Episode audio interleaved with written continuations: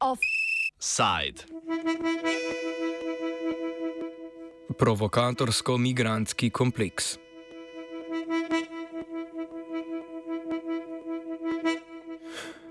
Odnosi med polsko in belorusko vlado se zaradi povečanega števila migrantov na meji med državama še naprej zaostrujejo. Polska vlada je zaradi domnevnega vdora beloruskih vojakov na polsko ozemlje pozvala beloruskega vršilca dožnosti veleposlanika, beloruska vlada pa vrača udarec. Na seznam ekstremističnih organizacij je danes uvrstila televizijo Belsat, kvazi javno belorusko televizijo v izgnanstvu, ki deluje na polskem. V Belorusijo z vsakim tednom prileti več letal, predvsem iz Bejruta, Erbila in Istanbula. Trenutno dostopni podatki kažejo, da v belorusko prestolnico Minsk tedensko prileti več kot 55 letal iz destinacij na Bližnjem vzhodu, kar v povprečju pomeni malo manj kot 8 letal dnevno. Bruselj je večkrat pozval iraške oblasti naj ustavijo lete v Minsk, Poljska pa se zauzema za sankcije za letalske družbe, ki jih izvajajo. Kaj takega je sicer malo verjetno, saj zračni promet urejajo mednarodne konvencije. Migranti v Belorusijo vstopajo legalno, saj potujejo s turističnimi vizami. Za ustritvijo odnosov med Belorusijo in Polsko pa se stopnjujejo tudi napetosti med Evropsko unijo in Belorusijo. Evropska komisija, ki je sicer v tako rekoč vseh drugih pogledih kritična do polskega razumevanja prava, tokrat trdno podpira njene odločitve. Tako Evropska komisija kot polska vlada trdita, da Belorusija s podeljevanjem turističnih viz migrantom z Bližnjega vzhoda nad Evropsko unijo in Polsko vrši hibridno vojno z migranti provokatorji.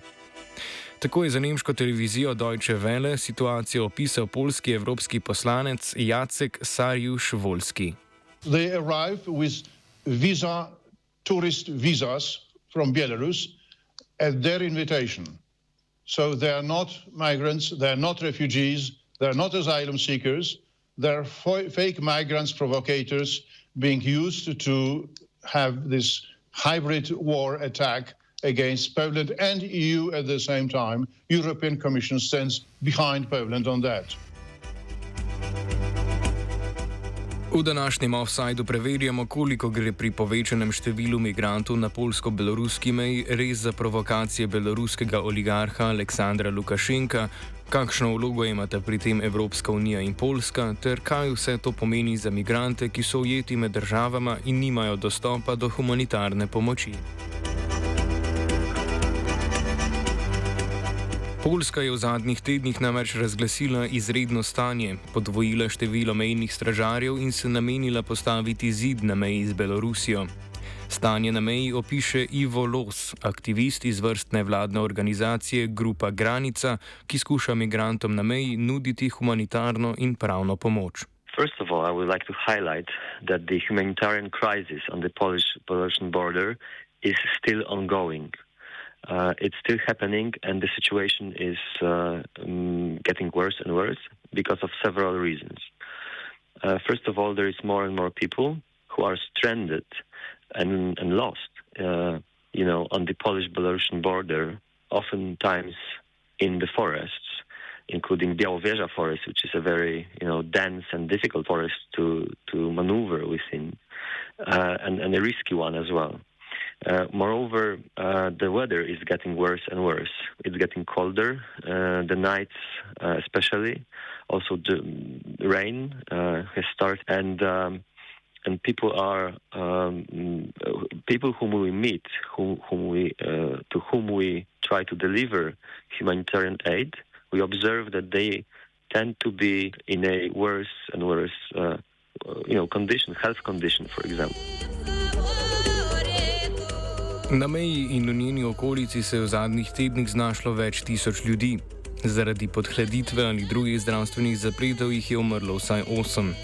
Med državama obstaja tako imenovana prepovedana cona, v, katero, v kateri je ujeto neznano število migrantov, polska vlada pa je onemogočila dostop tako humanitarnim organizacijam kot medijem.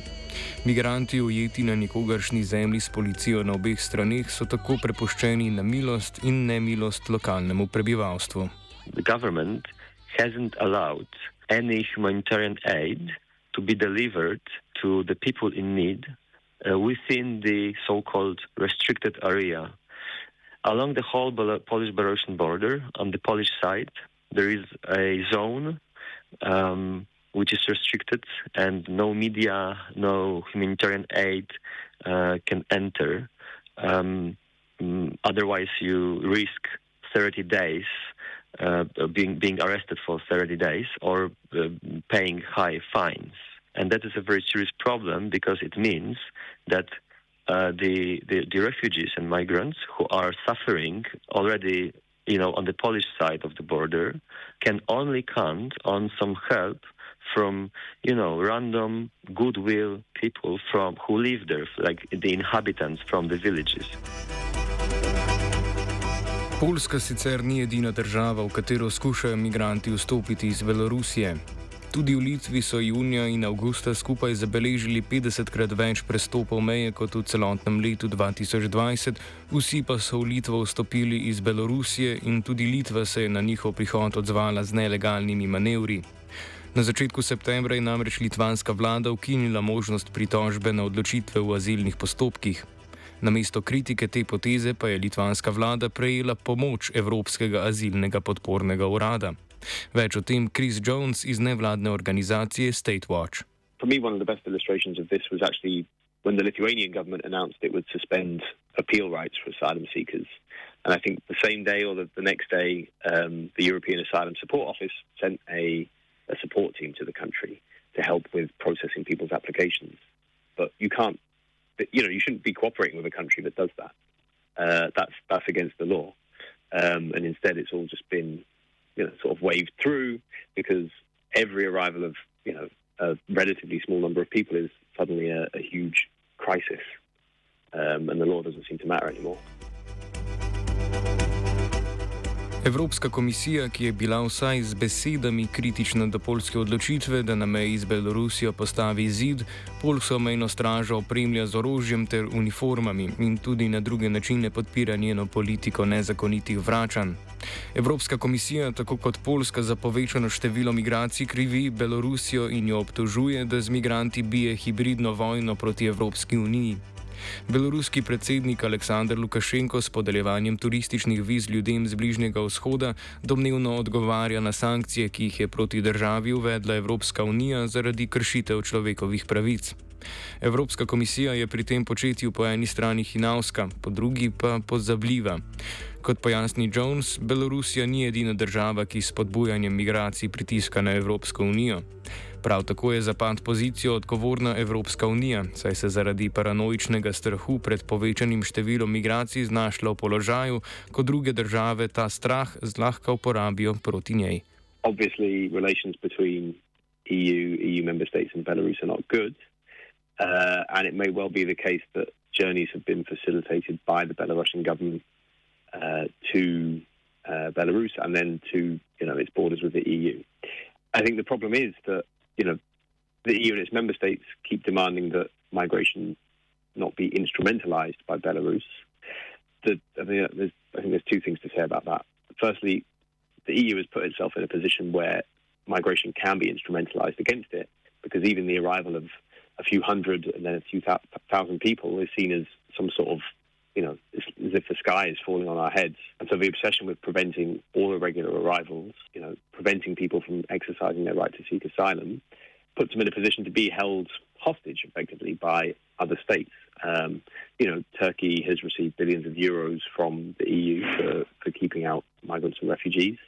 Morocco earlier this year stopped controlling Spain's border in Ceuta and Melilla, the two Spanish enclaves in Morocco. And that's all down to the EU's obsession with trying to let in as few migrants as possible. So they put themselves in, you know, they put themselves in a very weak position in that respect. Um, secondly, you know, Belarus is not the only state to instrumentalize migration. The, the, EU does it continuously. So a huge part of the EU's, EU's new development budget um, is only going to be paid out on the condition that other states, you know, um, developing states cooperate with EU migration control policies. So saying that other governments should instrumentalize migration is basically just hypocrisy when the EU and its member states are doing it all the time. Lukašenko s svojimi politikami podeljevanja turističnih viz de facto spodbuja prihode migrantov z Bližnjega vzhoda v Belorusijo. Posnetki z ulic Minska kažejo, da se tudi tistim migrantom, ki obstanejo v beloruski prestolnici, ne piše dobro. Zaradi pomankanja nastanitvenih kapacitet v mestu jih veliko spi na klopeh in v parkih, brez kakršnega koli dostopa do humanitarne oskrbe. Posnetki sirskih letališč pa kažejo še drugo plat zgodbe: oglase tako imenovanih turističnih agencij, ki migrantom obljubljajo a good time in Belarus in v praksi delujejo kot tihotapske organizacije.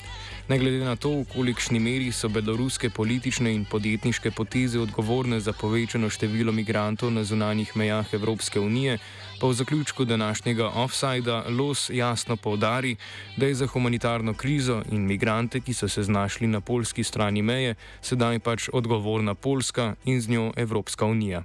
It's, it's obvious that the uh, Lukashenko regime has played an important role in enabling that uh, that migration or, or maybe uh, incentivizing this this migration by opening this kind of channels, let's say, through Belarus.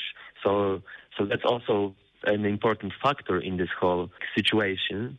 Uh, but you know, regardless of, of the, the original elements, obviously the Lukashenko regime must, must be criticized for different political actions, including how they treat their own um, citizens.